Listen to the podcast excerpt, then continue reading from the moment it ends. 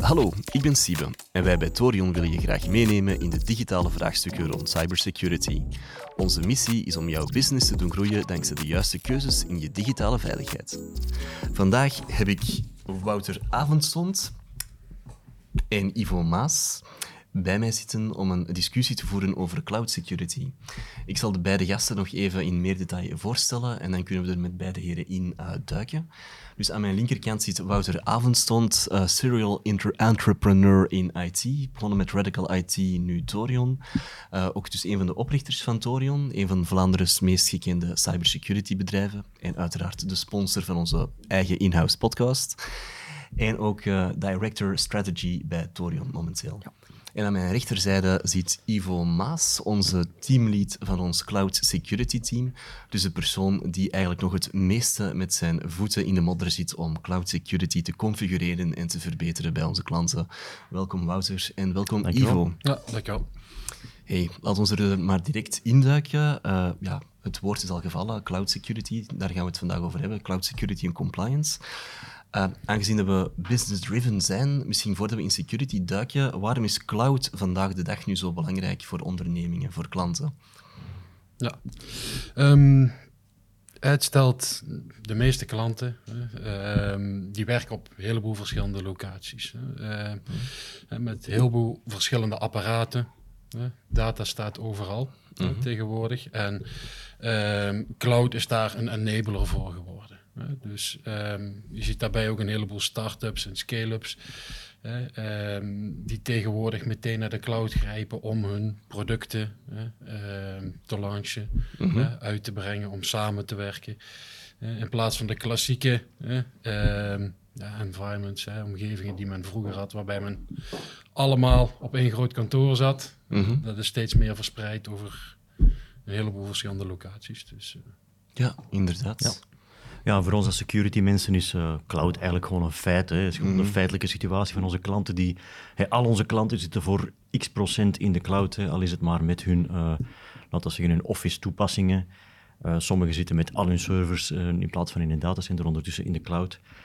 Dus daar moet je met security gewoon iets mee doen. Uh, kan je niet laten staan. Dus uh, de verantwoordelijkheid van cloud security kan je ook niet afschuiven op die cloud provider. Mm -hmm. Je moet zelf verantwoordelijkheid blijven nemen voor je data en je applicaties, voor je identiteiten. En dan, ja. dan komen we in de nieuwe concepten van security, aan cloud security terecht. Oké, okay, nee, zeker top. Uh, als cloud zo belangrijk is geworden voor de meeste ondernemingen en zitten in die cloud met al hun belangrijke data dan mogen we er toch wel van uitgaan dat al die ondernemingen al goed beveiligd zijn in de cloud. Of klopt dat niet? Um, helaas niet. Ja, dat is wat wij in de praktijk vaak zien. Um, kijk, cloud, dat kent mm. een shared responsibility model.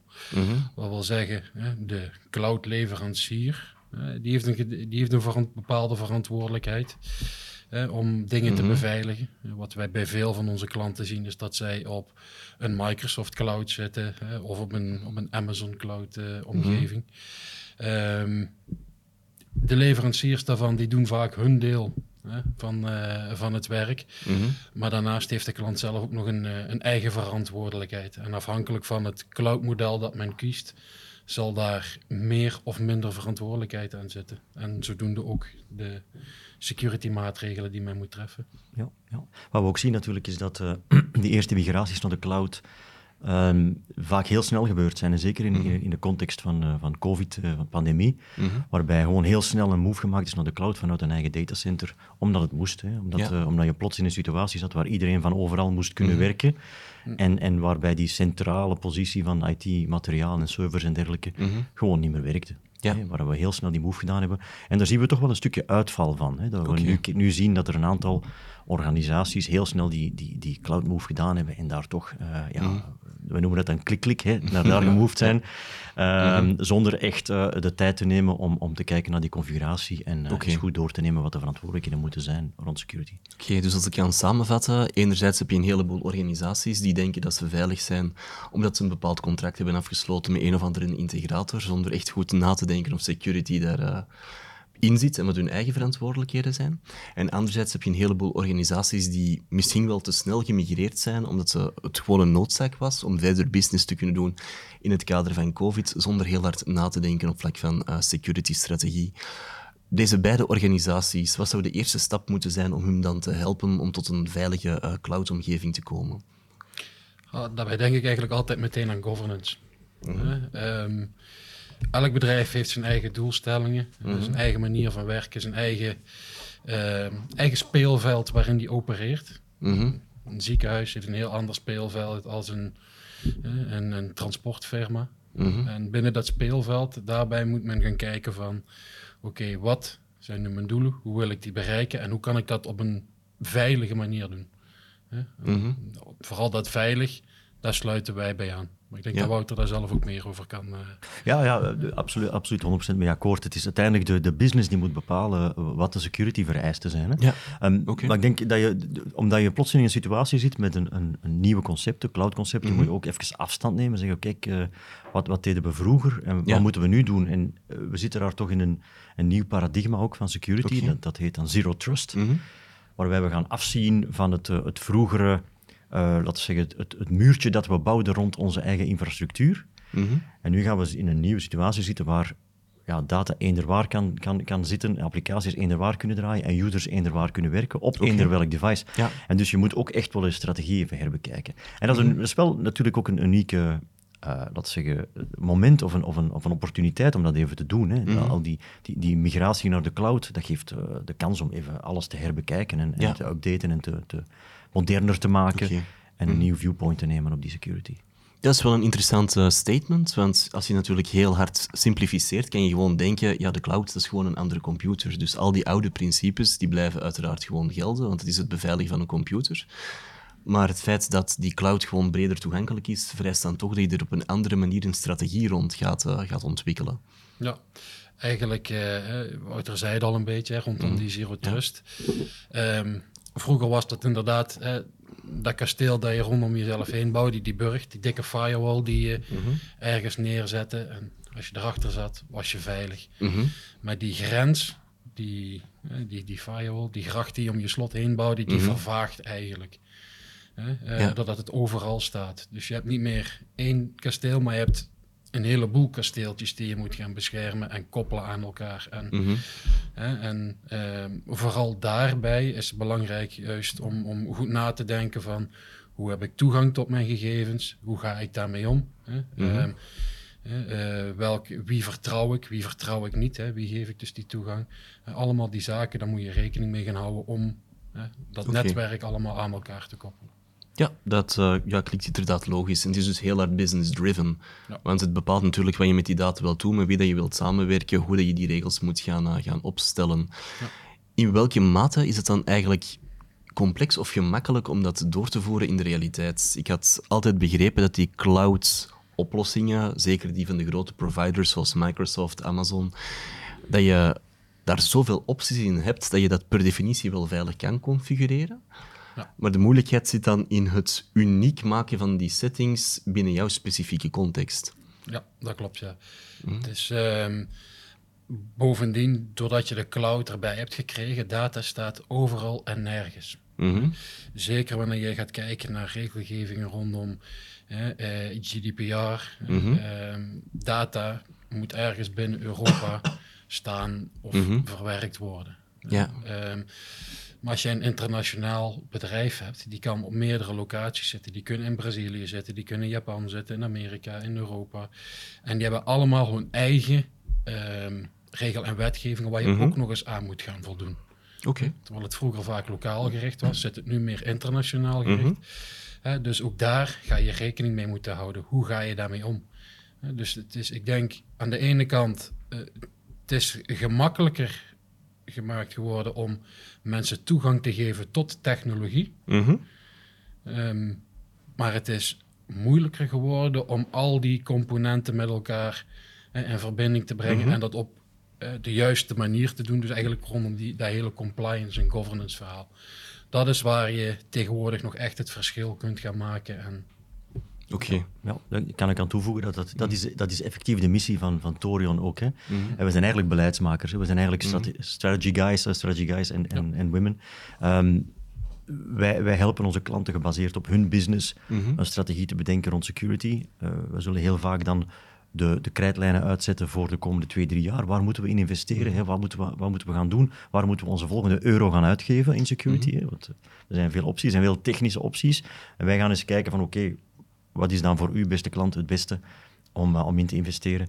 Ehm, en, en, de meeste partijen die werken in cloud security, die zijn zeer technisch. En die Mhm. weten wel waar je kan klikken om, Ja. om alles aan en af te zetten. Mhm. En het is onze missie natuurlijk om vanuit die business te gaan bepalen, oké, wat zijn de regels waar we aan gaan voldoen en hoe Ja. kunnen we die dan implementeren in die cloud-omgeving.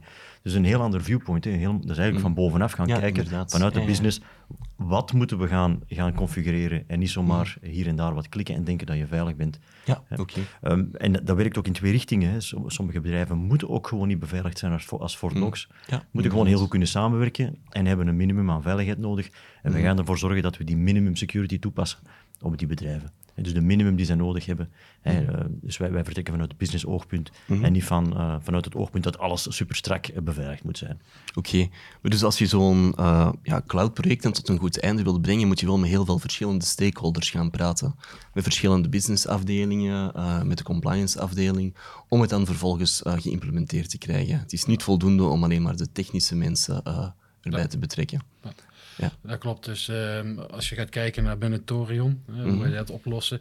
Dus wij hebben een heel sterk en groot GRC-team, hè, Governance Risk and Compliance Team. En ehm, ja, we hebben het, het Cloud-team. En Wat wij vaak doen is samen naar een klant stappen, waarbij de mensen vanuit het, eh, vanuit het GRC-team echt die business-conversaties voeren. Hè, waar, eh, hè, waar halen die, die klanten hun value vandaan? Ja. Hoe gaan we dat moeten toepassen? En wij vanuit het Cloud-team maken dan de vertaalslag richting de technologie. Ja, En dat is eigenlijk hoe wij eh, in, in, hoofdlijnen zo'n cloud-project eh, eh, aanpakken. Oké. In onze ja, vorige podcast hadden we het er ook over dat technologie heel vaak wordt toegepast voor een organisatie om te versnellen. Hebben veel klanten geen angst als ze van alles gaan beginnen dichttimmeren binnen de cloud, dat ze dan bijvoorbeeld geen toegang niet meer gaan hebben tot bepaalde data, dat dat hun organisatie een stukje gaat vertragen? En indien ja, hoe kan je daar dan mee omspringen om eigenlijk van zo'n cloud-implementatietraject toch een succes te maken dat eh, ja, de business echt vooruit helpt? Nou, ehm, wat wij daar, eh, dat zien we dus inderdaad vaak, hè, die, die bepaalde angst, die terughoudendheid bij klanten. Ehm, nu, wat wij vaak doen is wij, zoals ik al zei, we gaan eerst met die, met die business praten. Hè, dat, dat de business al overtuigd is waarom dat ze iets moeten gaan doen. Ehm, ja, en daarna heb je natuurlijk het, het praktische gedeelte. Je hebt altijd eh, ja- en nee-knikkers, om het zo maar te zeggen, in, tijdens zo'n implementatie. En daarbij is het vooral belangrijk om die nee-knikkers ook mee te krijgen in dat verhaal. En dat doe je vaak door eerst met bepaalde pilots te gaan werken. Dus dat wij een, een groep uitkiezen die, een, die, de, die, het, die de organisatie vertegenwoordigt, om het zo maar te zeggen. Die gaan wij eh, meenemen in dat hele verhaal. Hè. Die gaan we daarin opleiden, die gaan we daarin ondersteunen. Hè, van hoe ze bepaalde zaken moeten doen. Ehm, en zodra die overtuigd zijn, eh, kun, je gaan, kun je die feedback gaan verzamelen. Van alles wat eruit komt. Je past je programma aan waar nodig. Eh, en dan kun je dat gaan toepassen op de rest van de organisatie. En dan krijg je een, een grotere uitrol. Oké, dus echt een gefaseerde uitrol waarbij eigenlijk een aantal eh, ja, champions eerst worden aangesproken om hun te helpen. Ja. En als het een succesverhaal is, dan volgen de andere afdelingen ook mee in dit traject. Ja, klopt. Ik denk dat we ook wel een, een grote shift zien in de, in de vraag naar security, waarbij, laten we zeggen, de business toch ook wel meer en meer vragende partij begint te worden om, om security toe te passen.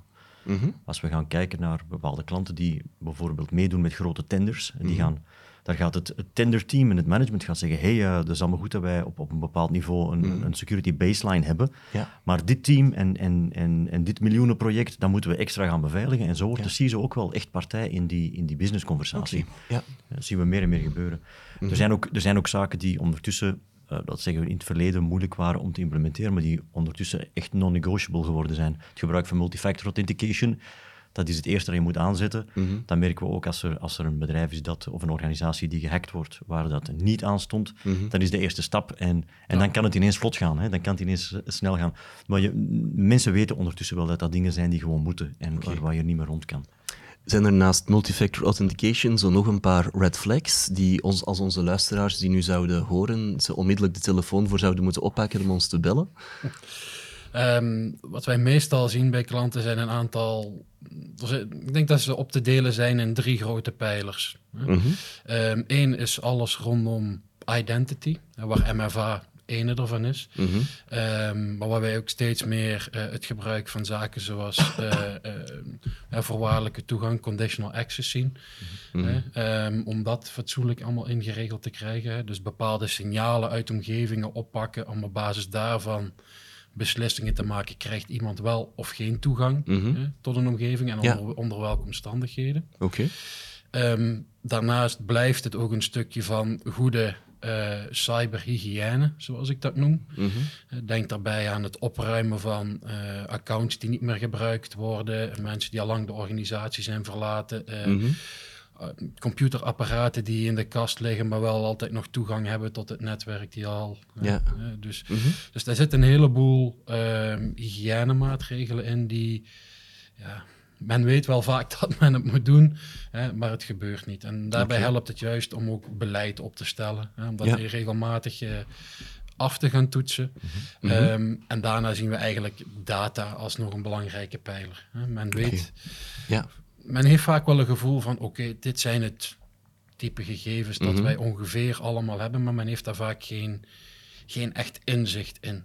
Dat is ook een van de projecten die wij heel veel doen is het, het inzicht verschaffen in wat voor data zweeft daar nu rond hè, binnen een omgeving. Hoe kunnen we dat dan uh, gaan beschermen? Want waar wordt het gebruikt? Mhm. En dan ga je vanzelf in een, in een heel data lifecycle management traject terechtkomen. Oké. Ja, is ook inderdaad weer een mooi voorbeeld van een combinatie van een governance traject en een, een, een technisch traject aan. Want een data lifecycle traject, dat vertrekt dan vanuit informatieclassificatie, met de business gaan praten van wat er gevoelig is, om daar dan weer uh, regels rond te gaan uh, definiëren. Ja. Ja. Oké.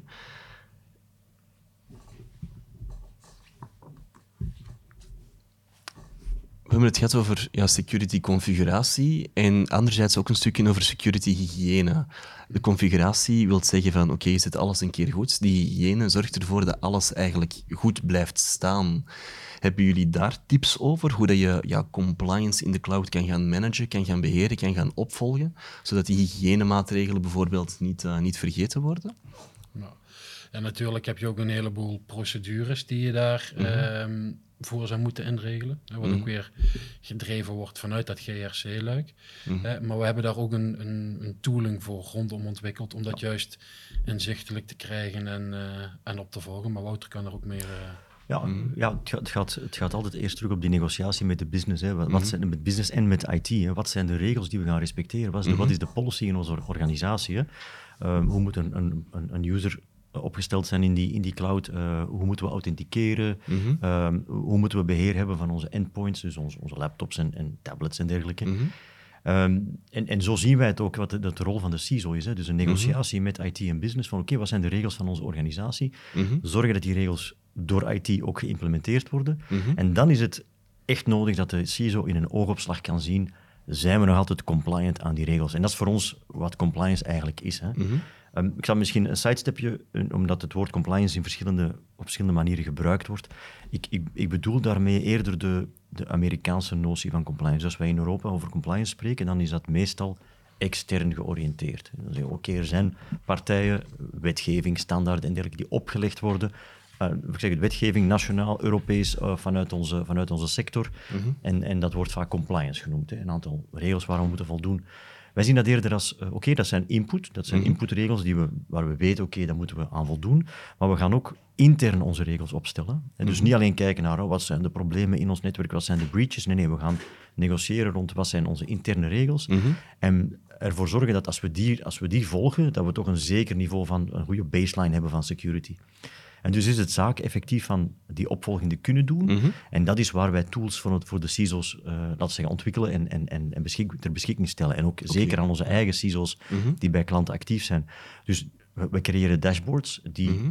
bijvoorbeeld gaan inpluggen op, het, op de Microsoft Cloud en daar gaan checken, oké, je, kan eerst, je kan eerst een lijstje maken van dit zijn mijn compliance regels. Ik wil die misschien baseren op een internationale standaard, zoals ISO 27001, of ik wil uh, NIST gebruiken, een Amerikaanse standaard, of ik wil CIS gebruiken. Het maakt niet uit. Je kan je eigen set van regels samenstellen. En dan kan je in een oogopslag zien, telkens opnieuw, of dat die regels gerespecteerd worden in het bedrijf. Is dat niet zo, dan kan je direct met een belletje naar IT zeggen, hey, hier is iets mis. Want de regels worden niet gerespecteerd. En dat is het soort tooling, dat is echt macht geven aan de CISO, dat is, dat is mogelijkheid geven om invloed te hebben op de security van de organisatie. Zeer interessant. Uh, binnen heel veel cloud tools heb je ook al bepaalde, ik zal zeggen, automatisch geautomatiseerde dashboards, zoals een Microsoft Secure Score bijvoorbeeld. Wat is het verschil tussen de zelf ontwikkelde tool met eigenlijk de standaard tools die worden aangeboden in zo'n omgeving? Mhm. Wel, je zegt het eigenlijk standaard tools. Hè. Mhm. Ehm, het, het, verschil ligt echt in het feit dat als je gebruik maakt van de tools, mhm. die heel mooie tools trouwens, die aangeleverd worden door cloud providers en, en, en, mhm. en niet minste door, uh, door Microsoft, uh, dat, zijn, uh, ja, dat zijn standaard tools. En dan ga je een, een, score krijgen die, die hetzelfde zal zijn voor elke organisatie, naar de regels die je daar aan en afzet. Wat wij doen is uh, veel meer intimate met die organisatie gaan bepalen wat zijn onze regels, hoe kunnen, ja. hè, waar moeten wij aan voldoen. Het kan zijn dat er regels zijn die meetellen in jouw secure score, maar die van jou eigenlijk helemaal niet van toepassing zijn. inderdaad. Hè? Dus wij laten toe aan de CISO om een eigen uh, ruleset samen te stellen en daarop te gaan, uh, te gaan kijken. Ja, persoonlijk denk ik ook wel dat dat de juiste manier is om erover na te denken. Ja, zeker als je ook weet dat heel veel van die frameworks eigenlijk definiëren wat dat je moet doen, maar niet hoe dat je het moet doen. Dus ik denk dat een controle altijd nog wel op een andere manier kan ingevuld worden en dan ook nog voldoet aan die bepaalde standaard. Ja. Dus een keer verder nadenken van wat betekent dit nu eigenlijk voor onze organisatie, lijkt me wel een absolute must. In plaats van gewoon blind een, een basis uh, ja, framework te volgen of een basis dashboard. Ja, daarbij vertrekken we ook echt vanuit. Um, als je kijkt naar veel bedrijven, die hebben een bepaalde missie en een visie hè, die ze willen bewerkstelligen. Mm -hmm. En dan heb je eigenlijk de strategie, de uitvoering daarvan. Mm -hmm. Die strategie op het gebied van cybersecurity, die ligt vaak bij de CISO. En vanuit die tool kunnen wij dan al die, al die componenten, al die mhm. frame, alles wat we willen, kunnen wij gaan ophangen aan die strategie. Mhm. En dat maakt het dan ook weer die link met de business zo heel sterk. Oké. Misschien nog een vraagje voor jullie beiden. Cloud security is het buzzword geweest binnen IT de afgelopen vijf jaar. De meeste organisaties zijn gemigreerd naar de clouds. Hoe zien jullie dat verder evolueren in de komende vijf jaar? En gaat cloud security nog een stukje verder volwassen worden en een groot stuk meer geautomatiseerd worden vanuit die cloud-aanbieders? Of gaat die controle toch meer en meer toch nog in handen blijven te liggen van de individuele bedrijven zelf die gebruik maken van die cloud-technologie? Kijk, je blijft natuurlijk um, die gedeelde verantwoordelijkheid hebben. Mm -hmm. uh, cloud providers gaan maar tot op een bepaalde hoogte gaan uh, het mhm. speelveld gaan bepalen. Hun datacenters dat beveiligen zij zelf. Daar mhm. krijg jij ook vaak geen toegang toe, wat ook niet erg is. Ja. Ehm, maar de manier hoe jij je data gaat beschermen en hoe je daarmee om gaat gaan, dat zal, denk ik, mijn inziens altijd bij, uh, bij het bedrijf zelf liggen. Mhm. En of je dat nu doet in een SaaS-oplossing, waarbij je eigenlijk alleen maar hoeft te kijken naar de toegang en de data die daarin verwerkt wordt, of je pakt een IaaS-oplossing waarbij je nog alle servers uh, zelf gaat installeren. Uh, daar in het midden gelaten. Maar tot een bepaalde hoogte ga je altijd zelf een verantwoordelijkheid dragen. Dat die data netjes wordt opgeruimd als je ze niet meer nodig hebt. Mm en ook dat de juiste mensen die data mogen inzien. Of juist niet mogen inzien. Mhm. Ja, absoluut. Dat, dat, blijft uiteraard je eigen verantwoordelijkheid. En dat is ook wettelijk zo natuurlijk. Zeker als het over, over personal data gaat van, van klanten of, of mhm. werknemers. Uh, wat we wel zien is dat die, die tools die aangereikt worden om dat beheer te doen, ook mhm. richting data, want we hebben eigenlijk al een aantal layers, mm lagen gecoverd. En zeker de infrastructuur, infrastructuurlaag, dat kan je nooit zo goed beschermen als die cloud providers het doen. Die hebben fantastische teams. Dus hoe hoger dat je gaat in die stack, laten we zeggen, naar data toe, Um, daar zie je toch ook wel eh, dat daar nieuwe rijke tools worden aangeleverd om ook die bescherming te doen. Mhm. En dan zien we vooral in die, bij, bij zo'n cloud provider als Microsoft dat er ja, mooi geïntegreerde tools zijn die, die toelaten om data te gaan klassificeren en daar dan ook uh, maatregelen op te gaan nemen dat bepaalde data het bedrijf niet kan mhm. verlaten of mits waarschuwingen en dergelijke. Dus daar krijg je heel mhm. veel flexibiliteit in. En wat we ook zien is dat er een stukje AI begint toegepast te worden. Waarbij dus die, die, eh, ja, die AI kan opgeleid worden om ervoor te zorgen dat, dat die de bedrijf eigenlijk leert kennen en de, in de normale bedrijfsvoering leert kennen. Mhm. en, en daarop kan gaan reageren en zeggen, hey, ik zie hier een stukje, ik zie hier een, een set data die, die naar buiten gaat en, en die wordt meestal enkel binnen, binnenshuis gehouden. Hè, dus, Mhm. dus ga ik daar een maatregel op loslaten. En dus ik ben uh, zeer benieuwd naar de toekomst op dat vlak. Microsoft zit, uh, zit in het bijzonder heel erg uh, op AI te spelen. Mm -hmm. Hij heeft ook een, een groot ChatGPT gekocht. ChatGPT, ja. ja. dus mm -hmm. we kijken er naar uit wat daar de, de nieuwe mogelijkheden gaan zijn. Oké, okay, dat is inderdaad wel, wel heel spannend. De sky is dus de, de limit ja. voor cloud. Ja. om het met een boetade te zeggen, volgens jullie mogen we op vlak van cloud security vandaag met ons hoofd in de wolken lopen? Of verwachten jullie toch nog redelijk wat uh, donderstormen voor de meeste organisaties op vlak van security? Ik, uh, ik verwacht helaas nog heel wat donderstormen voor, uh, voor de organisaties. zoals Wouter al aangaf, je gaat steeds meer naar AI-driven tools en omgevingen. Mm -hmm. um, maar die tools die moeten ook gaan leren. Mm -hmm. dus, en jij als organisatie moet straks ook gaan zeggen van AI-tool, dit is goed, dit is fout. Mm -hmm. dus, dus ook dat leergedrag zul je ze in bij moeten sturen. Plus daarbij ga je ook steeds meer um, IoT of OT-omgevingen zien. Uh, apparaten die steeds meer gekoppeld worden. Dus ook ja. dat speelveld uh, komt daar ook nog eens bij. Dus het, het, het security van de ene kant zeg ik, het verandert niet. Hè. Mm -hmm. Een heleboel basisprincipes blijven jaar in jaar uit hetzelfde. Mm -hmm. Alleen de omgevingen en de apparaten en, en hè, waar het allemaal op van toepassing is, dat speelveld, dat verandert. Ja. en dat met de toegenomen connectiviteit van 5G, waardoor dat al die toegangen alleen maar sneller gaan, die AI's alleen maar slimmer worden. Dat betekent toch dat we wel in een zekere wapenwetloop zitten die we als security professionals moeten proberen te winnen. Denk naar de toekomst toe. We moeten mm -hmm. blijven ook wat druk uitoefenen op die cloud vendors. Hè, dat, ze, mm -hmm. dat ze dat ze blijven moeite doen om een resilient architectuur te creëren. Want het, mm -hmm. wat je nu wel krijgt, is als iedereen op dezelfde cloud-platformen gaat zitten, ja. heb je wel eens kans op systemic failure. Okay. In de zin van, ja, ja. iedereen gebruikt dezelfde technologie. Mocht, mocht die eens onderuit gaan, dan, dan ligt heel de economie plat. Dus uh, de, we leggen wel ook wel heel veel eieren in één mand. Dus daar moeten we okay. toch, wel, uh, toch wel altijd wel uh, bedachtzaam mee omgaan, blijf ik denken. Hoe zou je daar als bedrijfsleider mee omgaan? Raad je dan aan om je eieren te verspreiden over enkele manden met meerdere cloud Wel, ik denk sowieso inderdaad, zoals ja. je zegt, een multi-cloud strategie is zeker als je een ja. groot bedrijf bent, uh, zeker mm. geen luxe. Oké. Okay. Mm. Uh, ja, en, en, en je kan zelfs binnen een bepaalde cloud vendor werken met verschillende mm. uh, regio's hè, waar je, ja. je, je data op kan verspreiden en waar je failovers en dergelijke onder kan, kan doen. Okay. Dus je blijft dus voor een stukje ook nog wel verantwoordelijk voor die, voor die, die data architecture. Hè. Dus dat is uh, ja. belangrijk. Vlak van incident management wordt door sommige security professionals ook wel eens een keer aangeraden dat het nog wel nuttig kan zijn om lokale backups te hebben. Is dat iets dat jullie zouden aanraden? Of zijn er binnen de cloud ook al perfect goede oplossingen voor om dat te, te tackelen? Oh, kijk, een, een, een goede backup-strategie die bestaat uit verschillende componenten. Mm -hmm. um, als jij een online backup hebt, in, zeker in het geval van ransomware tegenwoordig. Mhm. Mm -hmm. uh, als je pech hebt, wat je dan gaat krijgen, is dat ook die backups geïnfecteerd gaan raken um, met ransomware, waardoor dat je Mhm. mm -hmm. daar eigenlijk uh, die Ja. backup niet meer van toepassing is, of dat je die niet meer correct kunt gebruiken. Hè. Daarbij raden wij ook heel vaak aan in dat soort gevallen, maar zo ook dat je een offline backup hebt. Mhm. Um, maar verschillende backup-strategieën um, met elkaar combineren, dat is altijd een goed idee. -hmm. Oké. Wat ik vooral meeneem uit dit gesprek tot hiertoe is enerzijds dat organisaties de eigen verantwoordelijkheid hebben op vlak van cloud security. Dat, je er, niet, dat er altijd een gedeelde verantwoordelijkheid is en dat je er niet zomaar mag vanuit gaan dat je veilig bent omdat je een contract hebt afgesloten met een integrator of rechtstreeks met een cloudpartner. Dus dat je altijd jezelf even ja, onder de loep moet nemen om te zien dat je voldoende veilig bent en dat je dat ideaal er kan laten doen door ja, mensen die er voldoende kennis van hebben. Dat je vervolgens in je cloud-configuratie moet nadenken van kijk, welke regels wil ik nu voor mezelf toepassen op basis van mijn business-objectieven.